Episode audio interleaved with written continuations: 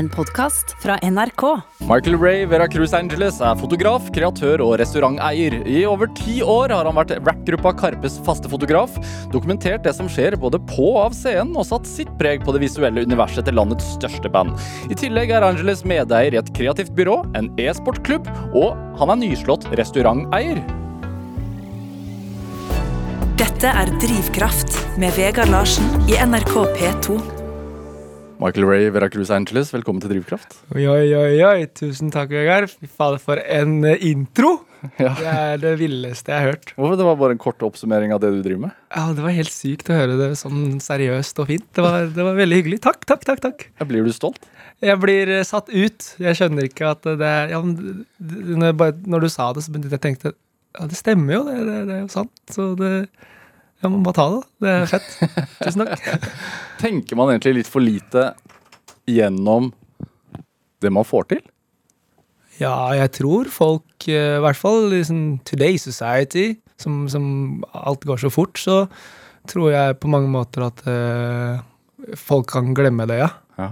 Det er derfor jeg tar bilder av det, og så kaprer disse minnene for de folka. Ja, du, du har alltid med deg fotokamera? ja, den er her. Den ligger, ligger foran deg her. ja.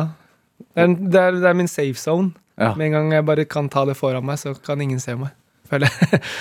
ja, men Er det litt sånn? Ja, eller jeg føler at den, den jeg, Det er jo nesten som å på en måte gå ut av leiligheten uten bukse på. Den er med meg overalt. Den, har vært, den var med i fødestua, og den var med ja, ja, den er her nå. Så ja, den er overalt, ass. Som en slags sånn superheltdrakt? Jo, ikke superheltdrakt, men i hvert fall en sånn, safe- sånn Harry Potter har den derre der, Usynlighetskappa? kappa, ja. Det er Ja. min kappe. Er det Du sier du var med i fødestua. Altså, hvordan har du det om dagen? Jeg har det veldig fint. Ja. Det har jo vært en helt vill eh, måned. August var helt sykt. Det var uh, Hva vil det si? At det var det? Det var uh, ti ganger Spektrum som uh, gikk veldig bra. Helt rått at liksom så mange møtte opp og Ti utsolgte konserter Ja, i Oslo det må man faktisk si. Ja. Ja. Ti utsolgte Spektrum med over eh, 110 000 folk. Mm, og I tillegg så hadde vi jo masse trafikk i restauranten som er nettopp åpna, som er veldig, veldig stas. Mm. Og eh, så har jeg blitt nybakt far, da. Så det er jo Det er eh, det største, egentlig. Og eh, det gøyeste. Å bare henge med han kompisen. Hvor gammel er han da? Han er eh, elleve uker i dag. Tror han hører på. Hei, Bowie. Er det Hvilke nye tanker gjør man seg når man får barn? Shit just got real. Ja. Det er det. Nei da, men eh, det er jo bare at eh, nå man, Jeg har jo hatt en samboer, og man, tenk, man må jo liksom tenke på andre også i, i, i forholdet, men nå er det sånn hun, hun kan jo passe på seg sjæl, på en måte. Men han kiden her skal jo passe på altså, Vi har et stort ansvar her, så man blir på en måte med en gang bare Jeg tror det switcher. Ja. At man bare OK. You, my friend, I will take care of you. det er veldig fint, ass. Det er, uh, han er søt òg, vet du. Da er hjelper det. Det, du sier at eh, syk måned, som du sier. eh, ti ganger utsolgt eh, med Karpe i Spektrum. Hvor, hva var din rolle under de konsertene? Mm, som de siste tolv årene så har jeg vært fotografen deres. Ja. Så jeg har fulgt dem og, både på A-scenen, så det har jeg selvfølgelig gjort. Jeg har vært med å Så hvordan, er, hvordan har de dagene vært for deg, liksom? Og så har du Det veldig hektisk, da. Ja. Man må jo, må jo følge etter de hele tida og liksom passe på at liksom når de har intervjuer, så er man der. Men samtidig så er jo måtte, Karpe ikke bare de, så når du skal dokumentere hele um, det prosjektet, så er det jo nå blitt over 300 folk på jobb, så du skal liksom ta bilde av de som rigger, du må ta bilde av danserne, bandene, eh, management bak. Liksom man, man vil jo på en måte covre hele historien, da. Mm. Og så i tillegg til eh, foto, så hjelper vi også med på merchen. Vi hadde jo en pop-opp-butikk nede i Operagata, nede i Oslobukta, Mm. som var veldig eh, populær. Det var veldig mange som besøkte der. Så da liksom man passer på at eh, merchen er- sitter, og at eh, den er stilig, og folk liker det. Hvor involvert var du i utviklingen av, av hva skal man si, profilen til merchandisen? Um, de siste årene så har uh, egentlig vi fått eh, et byrå som jeg driver, som heter Also Known As. Mm. har hatt muligheten til å være med på å liksom utvikle visuell identitet, identitet da, sammen med Chirag og Magdi, som er ve veldig, veldig hands on.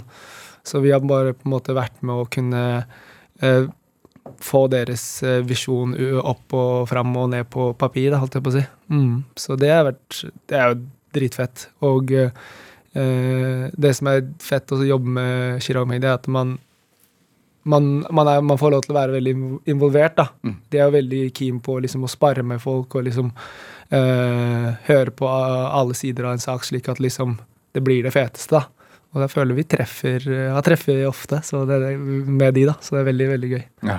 Mm. Føler, du, føler du stolthet av det? 100% Det er jo Norges største act på mange plattformer. Å få lov til å være med på deres reise og, og være med å uh, Holdt på å si Definere reisen sammen med de. Det er jo veldig, veldig stas, da. Og, eh, og, og det er også det som Man startet som fotograf for de, fulgte etter de og bare Ja, hvordan starta det? Eh, det startet egentlig med at jeg jobbet som fysioterapeut. Ja, For du er utdanna Ja, det er det jeg egentlig. Jeg er egentlig seriøs. Nei, så jeg jobbet som det, og så første dagen jeg jobbet i Elverum, på Sykehuset Innlandet, så så jeg en eh, plakat på en lyktestolpe mm, der det sto at Karpe skulle spille på Rena. Og eh, da Twitter var så lite, så skrev jeg bare en direkte tweet til Chirag og spurte har du listeplass. Ja. Så nerd å gjøre det, men det hjalp. Han svarte. Han sa ja, selvfølgelig, jeg kjenner ingen her. Kom. og det var egentlig da vi begynte å Der tok jeg bilder, og så så de bildene, så syntes de kanskje bildene var fete. Og så drev jeg også en fotoblogg. Mm. Eh, som jeg liksom publiserte alt av ting jeg drev med. Og da hadde Hva var det, for eksempel? det var alt fra liksom hva jeg spiste, til når vi bare hang med kompiser. Og da hang jeg liksom veldig mye på de samme hiphop-arrangementene som de gjorde. da. Mm. Så det var, blei til slutt et sted man kanskje så dro til for å se liksom bilder fra disse eventsa. Fordi jeg fikk mye push fra King Size også, som på en måte støtta det. Altså Nettavisen King Size, Yes. som var sånn, hva skal man si, en, i utgangspunktet en hiphop-nettside. Mm. Eh, men som i større grad etter hvert publiserte Hva skal man si eh, Urban urban eh, popkultur. popkultur. Ja. Kanskje liksom en, en tidlig 730.no. ja. kanskje. Men iallfall så, så fikk de nyss på det, syntes det var stas. Og så når de skulle starte prosessen med Kors på Asentikien, Giv hjertemor for far, døden, da spurte de meg om jeg ville dokumentere liksom hele den prosessen, da. Mm. Og uh, De var jo etablerte og svære. ja. Hva, altså, var det æresfrykt involvert fra din side? ja, altså, jeg var jo helt sånn derre Hva skal dere med meg, liksom? Det, det er jo helt sjukt å spørre meg. Og, men jeg som ikke er sånn Jeg var ikke noen sånn musikkfyr heller. Hvor opptatt er du av musikk, egentlig? Det er dårlig gjort å si, men jeg hører veldig sjelden på musikk. Jeg har ikke Spotify eller, eh, eller Apple Music eller noe sånt. Ja. Men det er fordi man jobber så mye med musikk at liksom, det bare er i rommet hele tida. Men jeg hører, trykker sjelden på play på, for å spille selv. Det er veldig, jeg har ikke Spotify-appen på telefonen, liksom. Nei. Men eh, så, så da startet jeg å følge de, og um, så var det en påfølgende turné som jeg fikk være med på.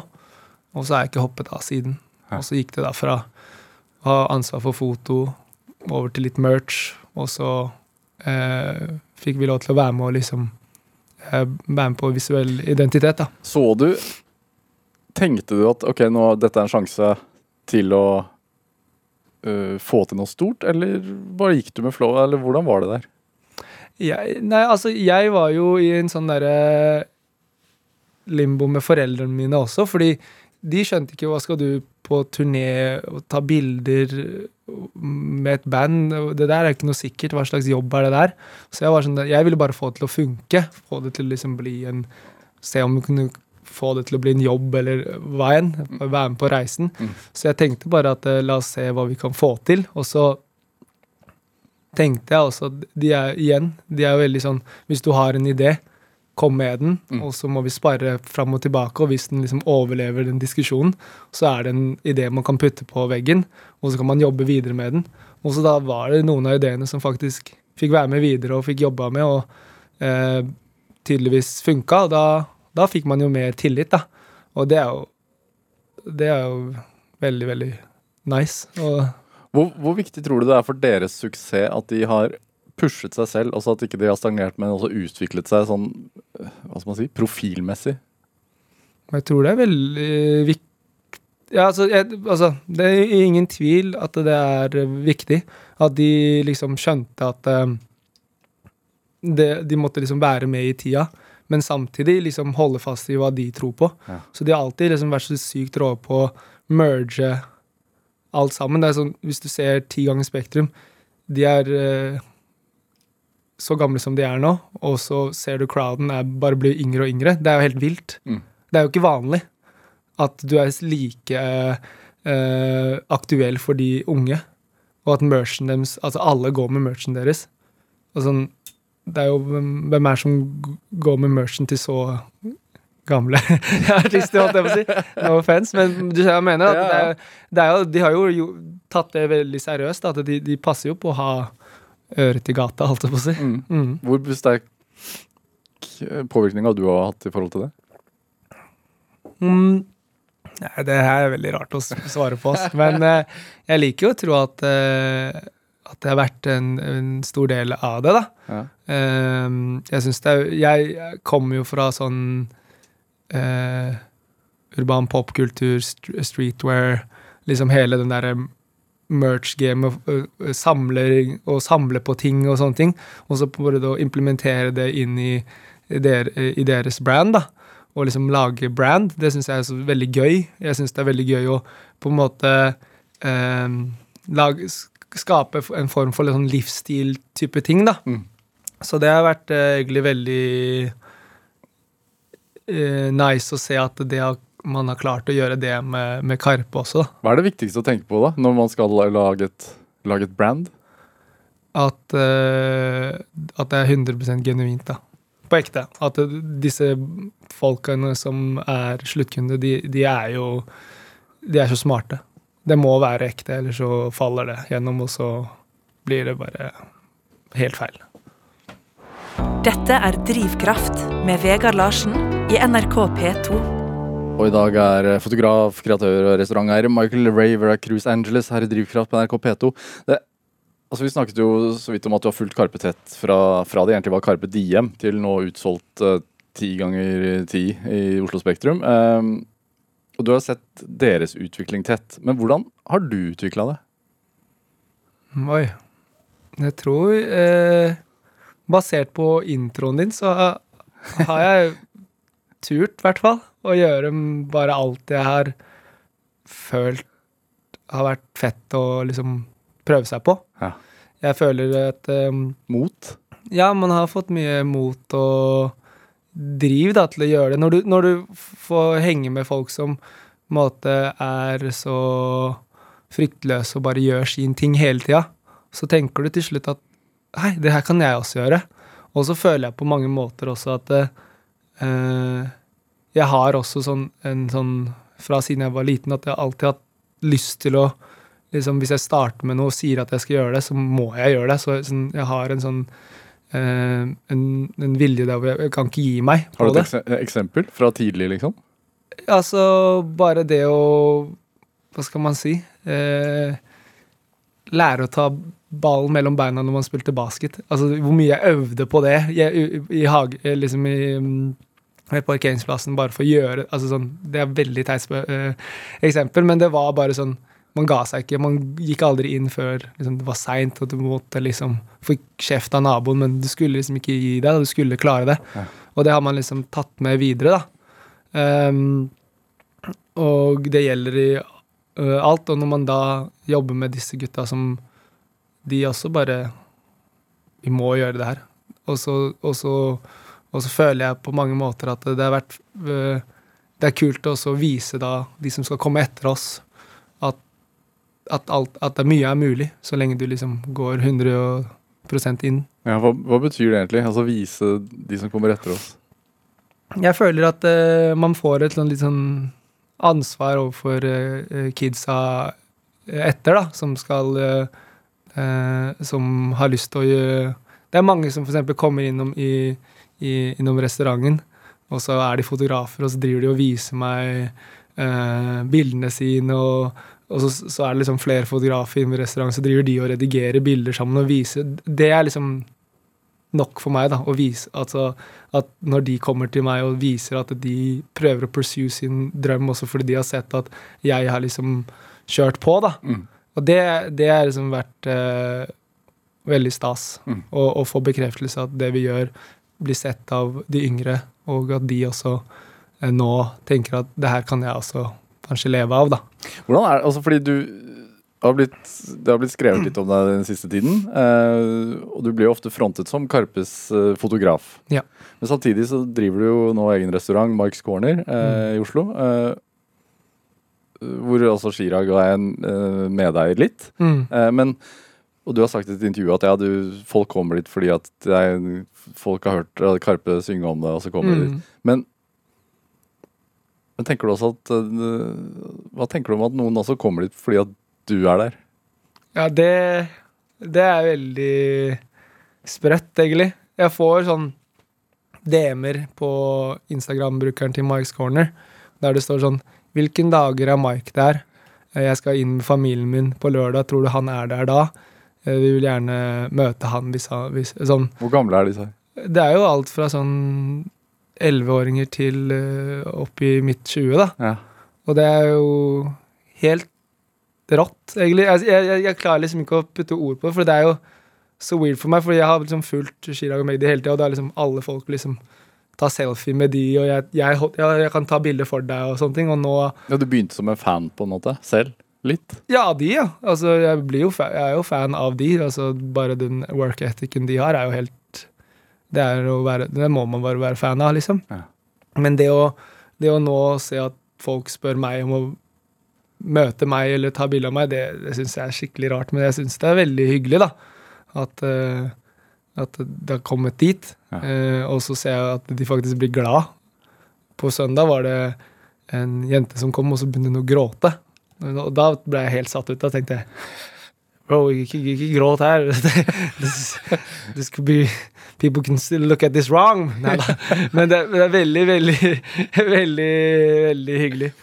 Så det endte opp at eh, når hun gråt på bildet, så sa jeg at jeg skal også late som at jeg gråter på bildet, sånn at vi begge har sånn cry face. Så hun la ut det bildet. Mm. Vi, ligger, eh, vi sitter her og bare gråter.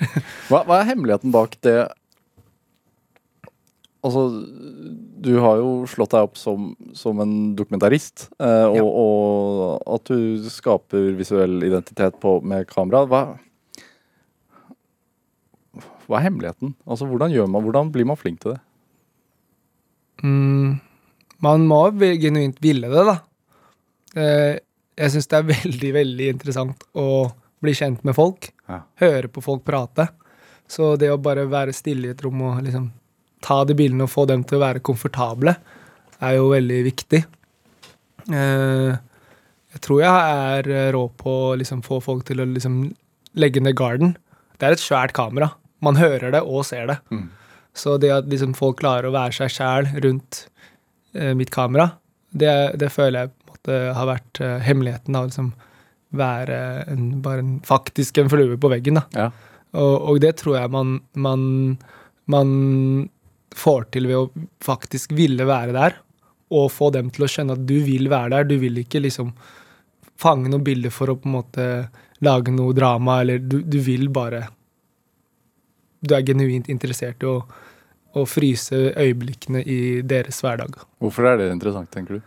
Jeg syns det er eh, I hvert fall sånn som vi snakket om, da, at alt går så fort i spesielt i sånne flinke, profilerte folks liv. da. Mm. At de har jo ikke alltid tid til å stap and smell the roses. ikke sant? Så at jeg har muligheten til å fryse det øyeblikket, vise det til de senere, så kan de bare reflektere på det. Bare, Oi, nå skjedde dette.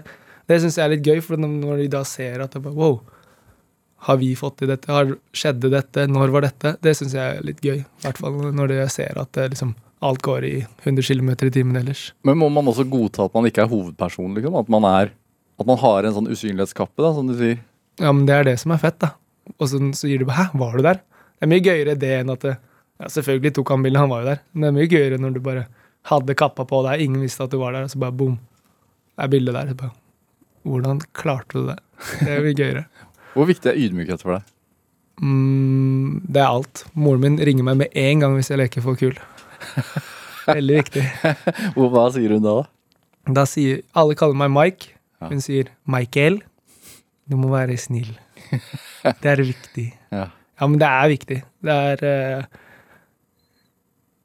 jeg, jeg, jeg skjønner ikke hvorfor eh, Hvordan man klarte å havne i de posisjonene man har havna i nå. Og det mener jeg oppriktig, at jeg syns det er så stas at liksom folk er på Bruker byrået vårt, eller er på restauranten, eller Chirag Meg, de gir meg såpass mye tillit til å liksom eh, få bidra, da. Ja.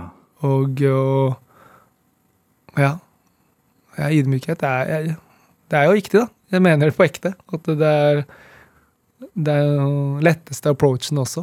Bare være der og liksom være glad for å være og ha mulighetene. Hvis man Altså Hvis man er 20 år i dag og har lyst til å bli fotografen til favorittbandet sitt, hva, hvordan går man frem? Man må bare gønne, ass. Nei, men på ekte. Jeg tror du må bare faktisk eh, Hva betyr det? Det betyr at du må bare eh, Internett, ass. Du kan, bare, du kan jo skrive til din Du kan jo skri, du, skrive til din, ditt favorittband nå, og så kan de på en eller annen syk grunn svare. Ja. Eller gjør researchen din. Finn han som fikser håndklærne for bandet. Finn han på Instagram. Ja. Han svarer deg.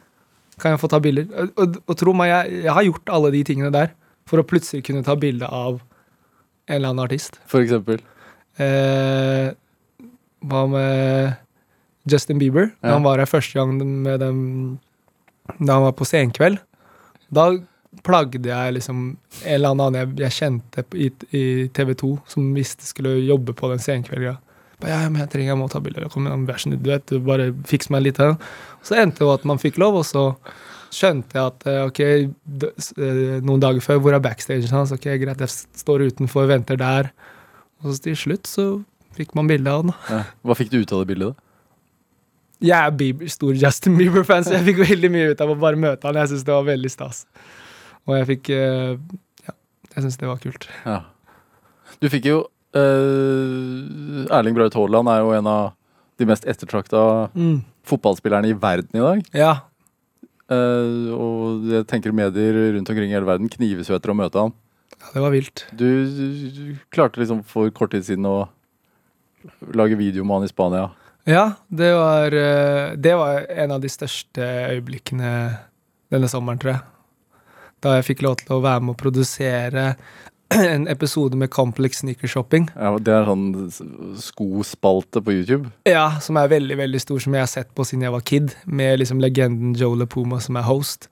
Så det bare å gjøre det, og så var Haaland Haaland gjesten i tillegg, det var ekstremt. Det var dritfett. Det var Men var det sånn mas involvert da, eller hvordan? Nei, det var veldig heldig, fordi det er en, eh, en bekjent av meg som driver eh, feature management, som jobber med Haaland, som skulle tilfeldigvis eh, Som hadde fått, eh, de hadde fått spørsmål om å gjøre den complex sneaker. Og så spurte de meg om du kan jo produsere denne episoden med byrået ditt, så kan ikke dere være med. Mm. Men der hadde jeg mast på produsenten et år før, i USA. Jeg fant han produsenten og sa sånn dere burde, dere burde gjøre en episode med Haaland. Han kommer til å blowe opp. Ja. Så når vi kom på det møtet på Skype, eller på Teams, så sa han produsenten Nei, det er jo deg som maste på meg i fjor. Så da fikk jeg innpasset med en gang fra Complex at han her vet hva han prater om. Så det, masing er bra, det. Ja. Hvor viktig er positivitet? Hvor mange nei har du fått? Veldig mange nei. Ja. Og det er eh, Hvis jeg hadde hørt på alle de nei-ene, så hadde jeg nok ikke hatt den introen du sa. Nei. Eh, men eh, men eh, også Positivitet er mye chillere enn negativitet, da. Det er mye diggere å bare Ok, det funka ikke, la oss bare jobbe til, på neste. Jobbe på neste. Så Men er du skrudd sammen sånn, eller er det en Eller er det noe du lærer deg? jeg tror det er begge deler. Jeg har liksom alltid bare vært eh, gira på å gjøre ting, og så hvis det ikke funker, så må vi bare finne en annen måte. Men samtidig også lært at liksom Hvis en dør lukkes, så må det jo en annen åpne, liksom. På en eller annen måte. Michael, vi skal, vi skal spille litt musikk. Yes. Du, du har med en uh, Ari-flåt. Uh, Yeah. Fleksnes. Uh, eller den gang så het han jo Filthy Rich. Men, eh, men er den, representerer den noe av det du har pratet om nå? Ja, jeg føler eh, Fleksnes det, det var en av de første låtene Arif, aka Filthy Rich, kom ut med som på en måte putta han på kartet. Mm. I hvert fall på norsk. Og eh, det var da vi hadde crewet vårt, uh, Baus Gang, og vi ville liksom måtte sette vår stempel på norsk musikk. Og da var det liksom Da, da handlet det bare om det. Liksom, vi måtte liksom jobbe hardt og få det, få det til. Og på starten av låta sier det sånn klokka er fem på morgenen, vi er i studio ennå. Og det var liksom den mentaliteten, da. Å jobbe hardt og gønne på. Ja. Så eh, Fleksnes er liksom, ja, det er litt sånn theme song. Men hva er deres connection? Det er broren min for life. Han, eh, jeg og han startet litt sånn sammen som, eh, som jeg sa, Basgang Og meg og Arif og noen, og noen andre homies som liksom Vi, vi startet den gjengen, det kollektivet. Og, eh, og har jobbet sammen siden. Ja, hva, hva er det kollektivet? Hva heter det, sa du? Det het Baus Gang. Veldig teit. Being artful with style. Verdens beste crew. og det er det som måte senere ble Nora Collective, da. Som da er- hoster flere av landets eh, feteste urban popkulturprofiler. Så det har vært veldig gøy å vært med på den reisen der. Hva tenker du når du hører låten nå, da? Mama, we made it.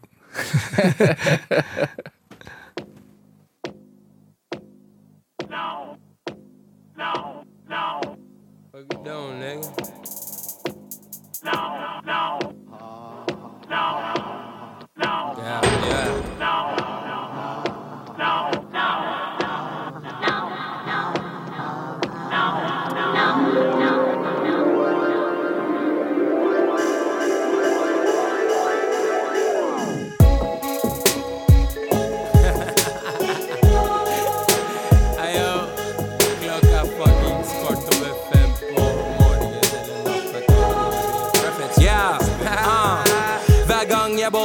Boller, så hører du swoosh. Tar opp en plate og passer til brors. Kutter det opp, brenner det ned. Kaller det George W. Kush. Kush. Ikke tenk på det. Chain gang shit, putt en lenk på det. Bounce overalt, putter penger på det. Din stil er skip, putt en seng på det. Kommer inn på stedet. Hva skjer? Sofistikert neger. Jeg har på meg noe APC. Det er low-key, men en APC. Hun er en djevel, ruller brokkoli med risla. Hun kjenner meg fra gamle dager, kaller meg bare Rifla. Osama bin fresh, krekker en joke, krekker en cracker, jeg cracker en shakes. Følte meg som Al Bundy når jeg jobbet for stress. De ignorerer det og kaller det for ignorant. Er interessant. Hvem er det som egentlig er ignorant? Aldri vært noen spenn, det hadde jeg gjort som 2G. Penger kommer og går, akkurat som dårlig podi. Leker hver dag, jobber hele natten, putter alt inn. Så vi får igjen på skatten, hæ? Bausking over allting, putter alt inn. Får igjen på skatten, akkurat som det var alltid. La meg, la meg flekse, yeah. Bare gjør min ting. Hatt og frakk på, føler meg som Fleksnes. Bausking over allting, putter alt inn. Får igjen på skatten, akkurat som det var alltid. La en egen flekse, bare føler meg som Fleksnes. La meg flekse, bare gjør min ting. Føler meg som Fleksnes. La meg flekse, bare gjør min ting.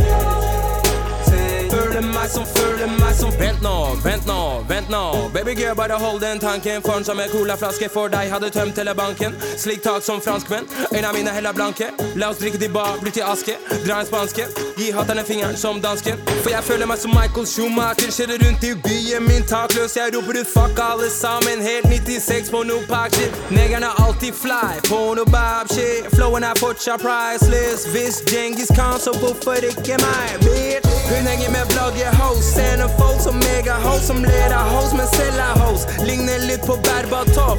Du vet svigermors drøm når du først treffer dem. For mye plastikk, lukter falskhet når du klemmer dem. Velkommen til Oslo by, verdens minste storby. Alle kjenner alle, og dem alle elsker gossip. Hun skriker ut I'm a boss, helt ikke Hvalross. Jentene har ikke sett noen digge svartninger, så trapp dem opp. Bausking over allting, putter alt inn. Får igjen på skatten akkurat som det var alltid. La meg, la meg flekse, yeah. bare gjør min ting. Hatt og frakk på, føler meg som Fleksnes. Bausking over allting, putter alt inn. Får igjen på skatten akkurat som det var alltid. La en egen flekse, bare føler meg som Fleksnes. La meg flekse.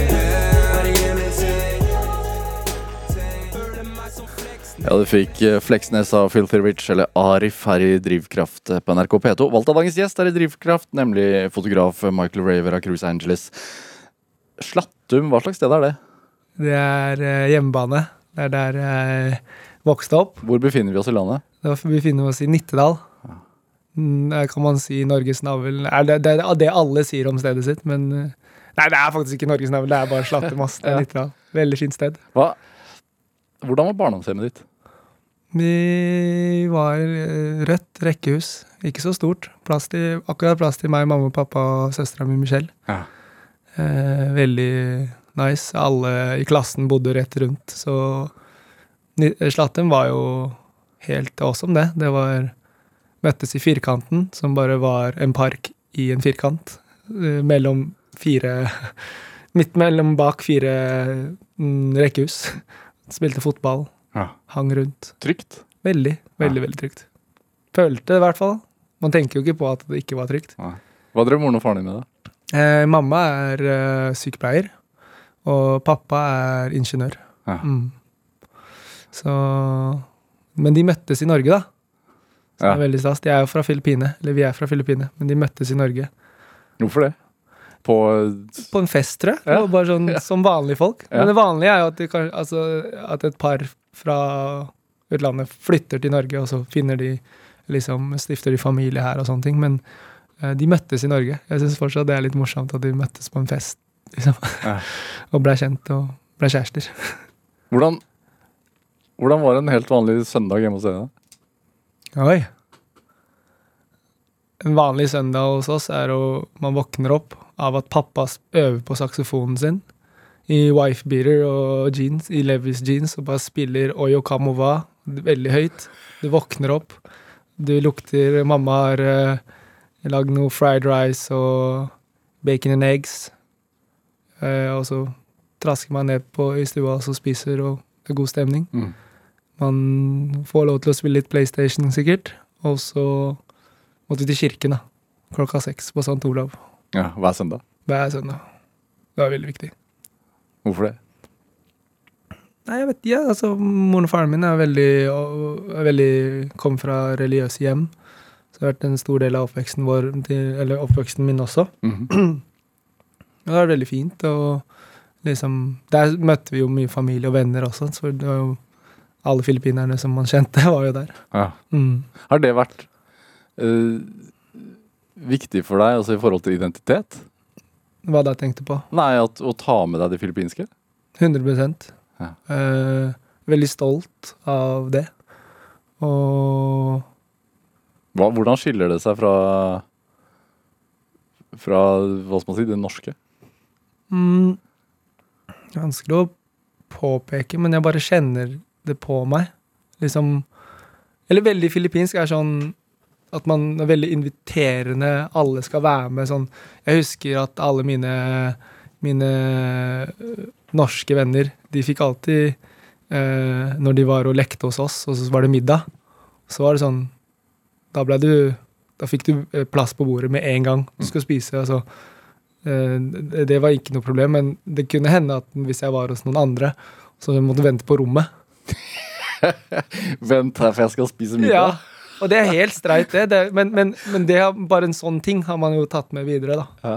Sånn, og det å inkludere alle og Det, eh, det husker jeg også fra egen oppvekst. Da. Ja. Sånn, uh, hvis man var hos en kompis, så Ja. og det var middagstid, så måtte man vente på rommet. Så ble man gjerne sittende der en halvtime. Ja, det, og det var helt sykt å tenke på det. og Sånn der, ja, han skrudde av til og med PlayStation, så nå får jeg ikke på heller. Så I'll just sit here. Nei da, men det var veldig eh, Veldig nice sånn sett, da, at, eh, at eh, man, man Ja. At mamma di altså, hun, hun tar med egen mat til, eh, til Mike's Corner. Uh, og, og, og mater ansatte. Hun hun tar med hjemmelagd mat til restauranten. Ja, hun kaller det Mamas Corner. Hun er helt rå. Hun bare 'Er du sulten?' spør hun søstera mi. Bare 'Ja, jeg skal bare bestille den'. 'Nei, nei, jeg har noe i bilen'. Ja. Hun har med egen mat. Det er veldig bra. Hvilke krav ble stilt til deg? Høye. nei, altså Som sagt, foreldrene mine kom hit. eh, De hadde ikke så mye. Eller de vokste opp med veldig lite. Eh, Så de Alt de ville, var å bare passe på at jeg og søstera mi og de vi er glad i, eh, hadde sikre utdannelser, eller sånn jobber i fremtiden, da. Mm. Eh, Så derfor var det mye krav på å liksom, passe på at man tok utdannelse seriøst. Og det var liksom derfor jeg, jeg tror jeg blei fysioterapeut også. Det var sånn kompromiss mellom lege og basketballspiller. Kunne merge det sammen. Ja. Men eh, Nei, men selv om de Jeg skjønner det godt, da. Altså, herregud, de har gjort alt de kan for at vi skal få de mulighetene vi har.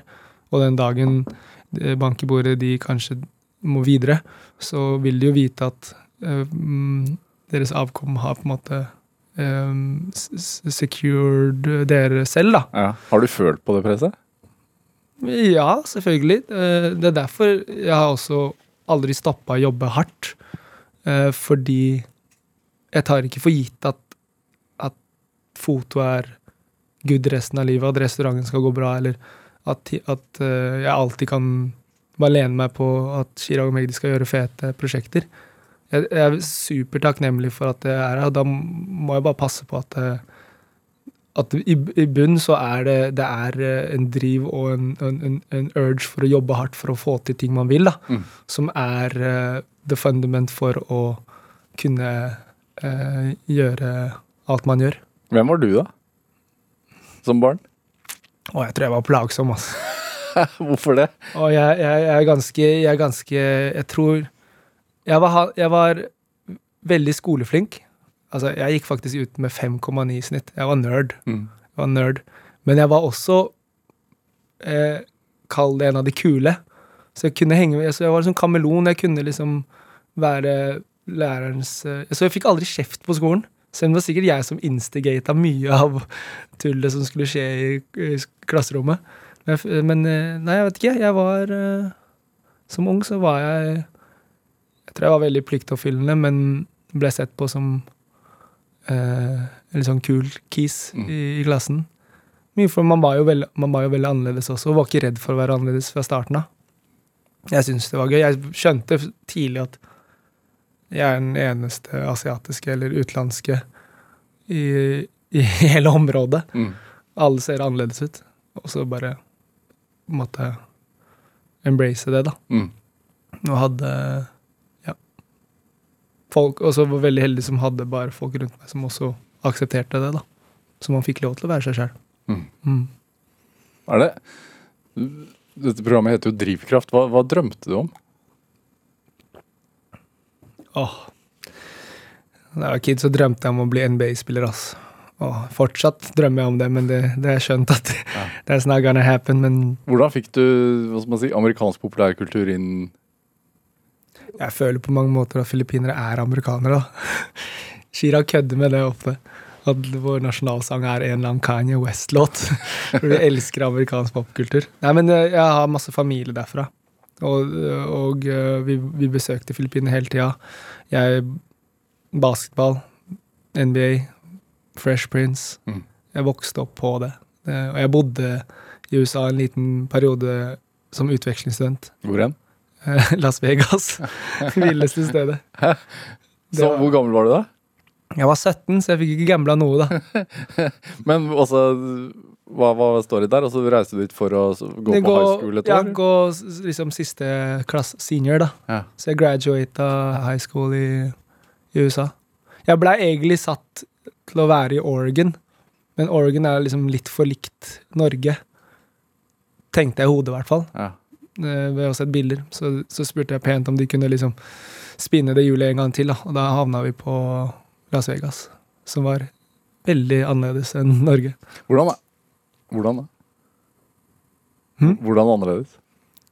Det sier seg selv, altså Las Vegas. Det er sånn eh, Det er jo slot machines inne på 7-Eleven. Det er eh, eh, hvor, Hvis jeg skulle prøve å finne ut hvor jeg var hen i byen, så måtte jeg bare se på den eh, MGM Grand det, um, Lyset som gikk opp fra den pyramiden, så bare Ah, jeg bor til venstre for den. Så det, det var bare sånn Alt var bare sykt rart å bo i Las Vegas. Men det blei til slutt sånn Du drar jo ikke så ofte til Frognerparken selv når du bor i Oslo.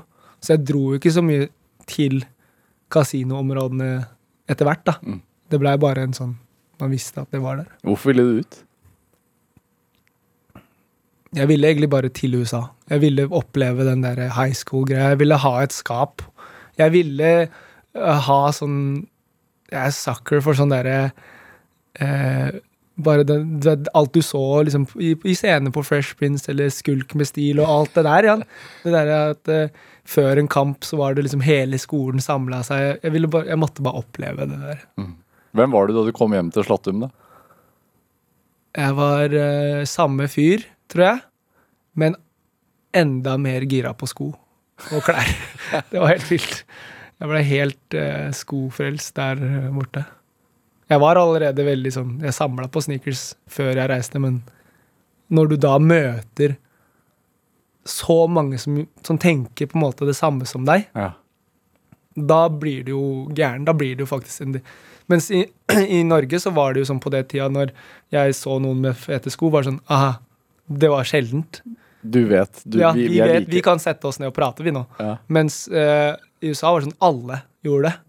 Så da ble jeg bare sånn shit, det ble bare kaos. Og det, det er der jeg tror den reisen der som gjorde sånn at jeg ble sånn veldig sånn eh, opptatt av sånn brandbygging og sånn, bare ble helt sånn fascinert av hvordan folk liksom blei profiler, eh, personer som folk fulgte eller så på.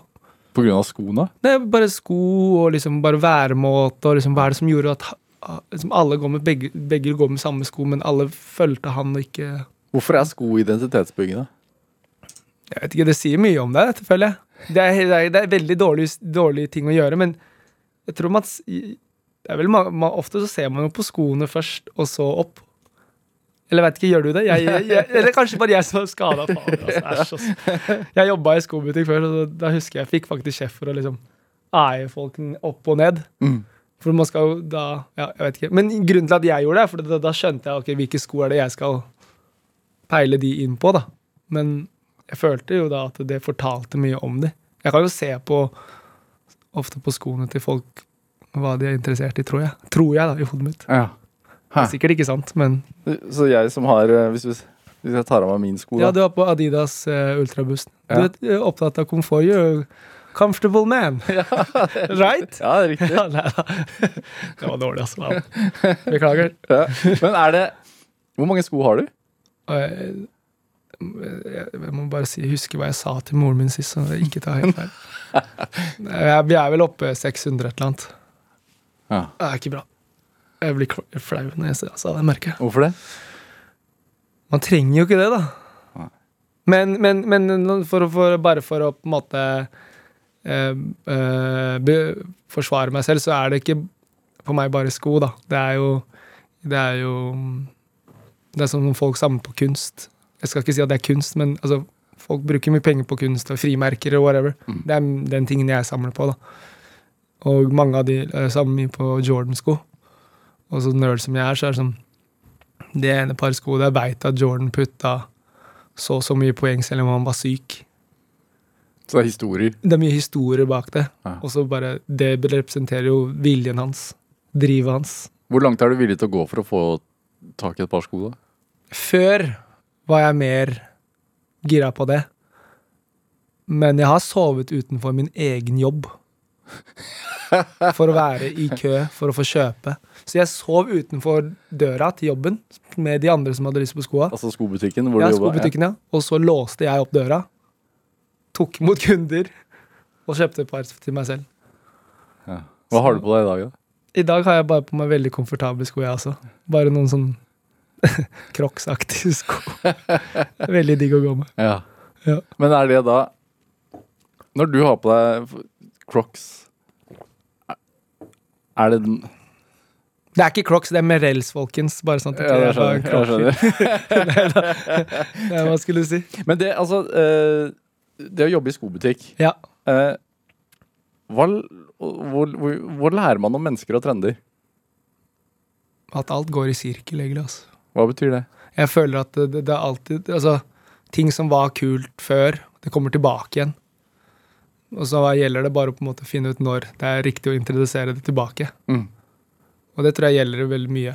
Sånn, man, det er jo det å bare hente eh, elementer som fins fra før, og liksom tweake på det og få det fett, det er jo føler jeg veldig mange brands gjør for å Mange tenker at det er sånn reinventing themselves, men det er jo bare at man låner ting fra tidligere eh, trender, og så kjører på. Mm. Mm.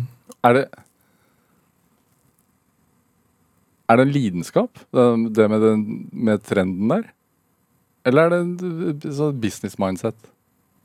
Med sånn trendoppfattelse?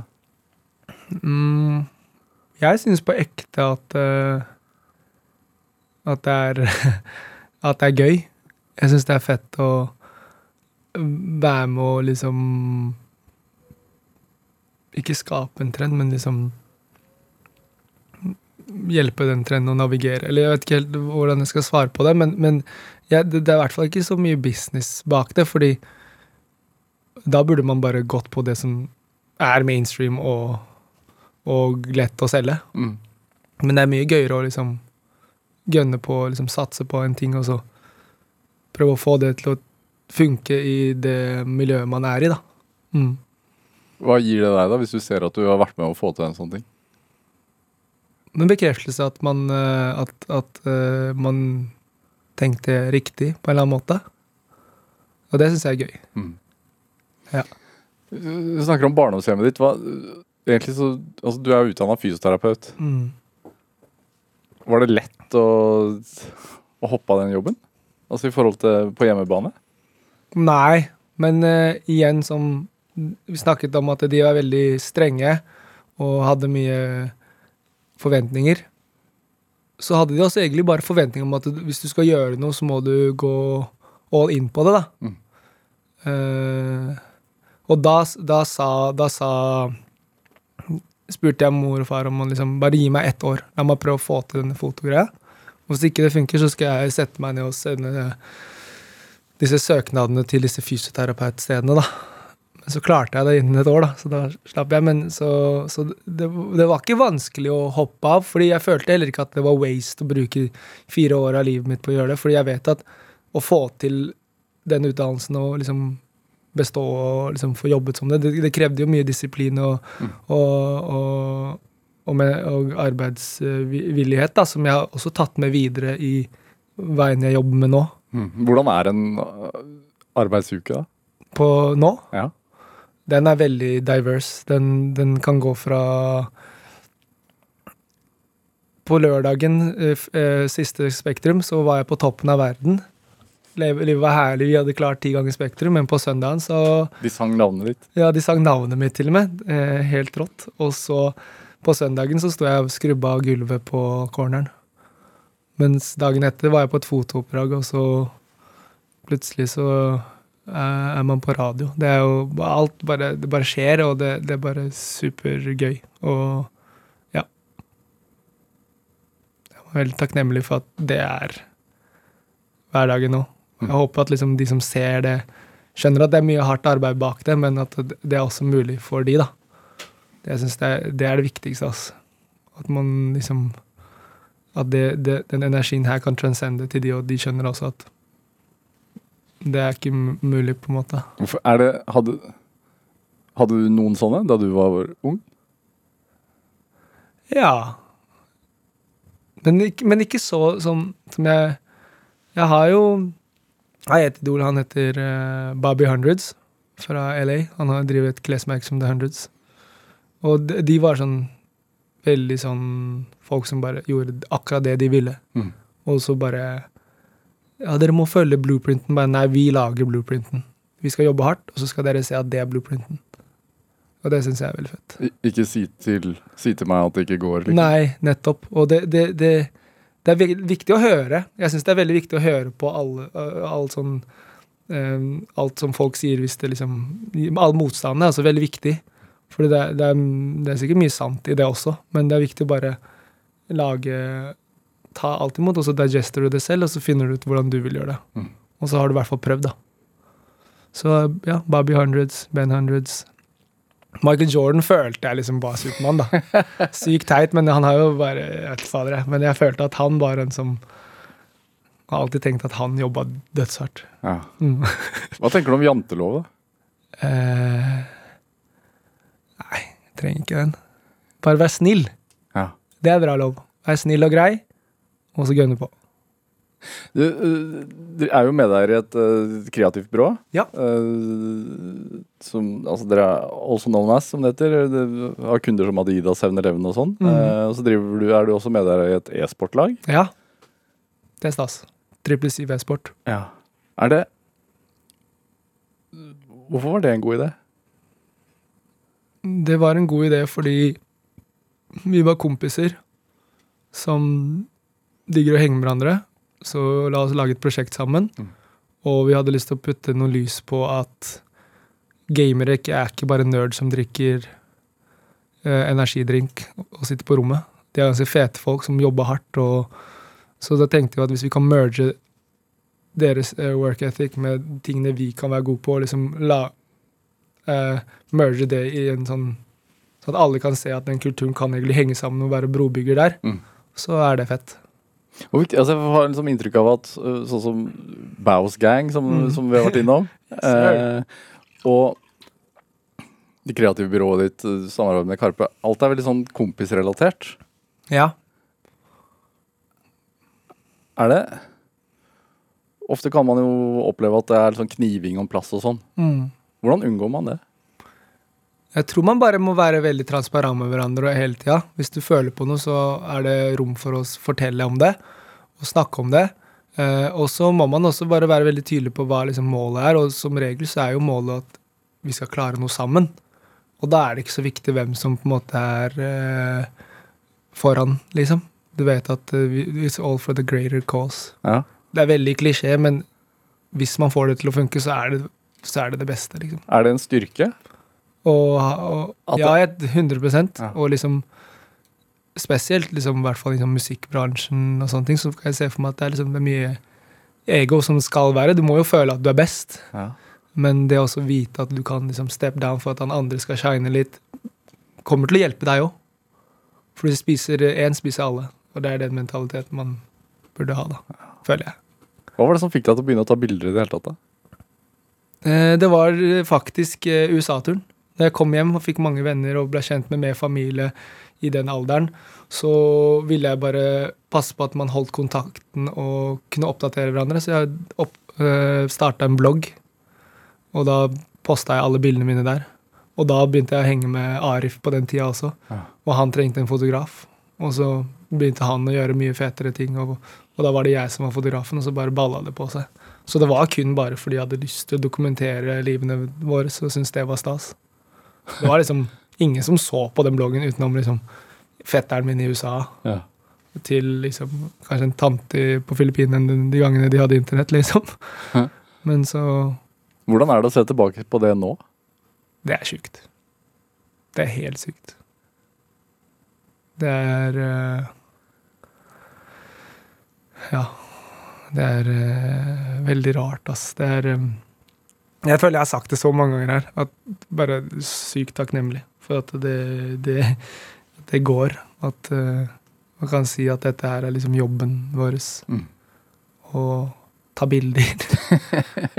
Michael Ray Vera Cruz Angeles, hva tenker du er drivkraften Mm. Min? din? ja? Eh, Drivkraften er, tror jeg, at man har, har veldig lyst til å bidra. Jeg syns det er fett å bidra. Å være med og skape ting. Mm. Bidra til at en annen føler at det her er noe de kan gjøre. Bidra til at, eh, et sted, at noe kanskje blir bedre, eller At man kan være med til en forandring. Så drivkraften min er bare for å bidra. Til liksom bidra uh, community uh, og uh, good times. Men hvorfor er det viktig? Altså den å skape et community, altså den følelsen av samhold for deg? Fordi jeg har vært heldig som på en måte alltid har hatt veldig mange som har villet latt meg bidra eller gitt meg muligheter. Men jeg kjenner til for mange talenter som kanskje faller av når de ikke får den følelsen. Og tenk deg hvor døvt hvis vi gikk glipp av den neste Haaland fordi han ble kutt, han ikke fikk lov til å være med på Løkka og spille. Eller han fotografen som ikke fikk mulighet. Så ja. Det tror jeg er viktig. Tusen takk for at du kom hit til Drivkraft, eh, Michael Ray Vera Cruz Angeles. Yes, sir. Fint å ha deg her i Drivkraft. Takk. Hør eh, flere samtaler i Drivkraft på nrk.no eller i appen NRK Radio. Send oss gjerne ris og ros og tips til mennesker som du mener har drivkraft. Send en e-posten til drivkraft, krøllalfa, Vi hører gjerne fra deg. Produsent i dag var eh, Camilla Bolling-Muir. Hun bidro også med research til denne sendingen. Dette var Drivkraft. Jeg heter eh, Vega Larsen. Vi høres. Du har hørt en podkast fra NRK. De nyeste episodene hører du først i appen NRK Radio.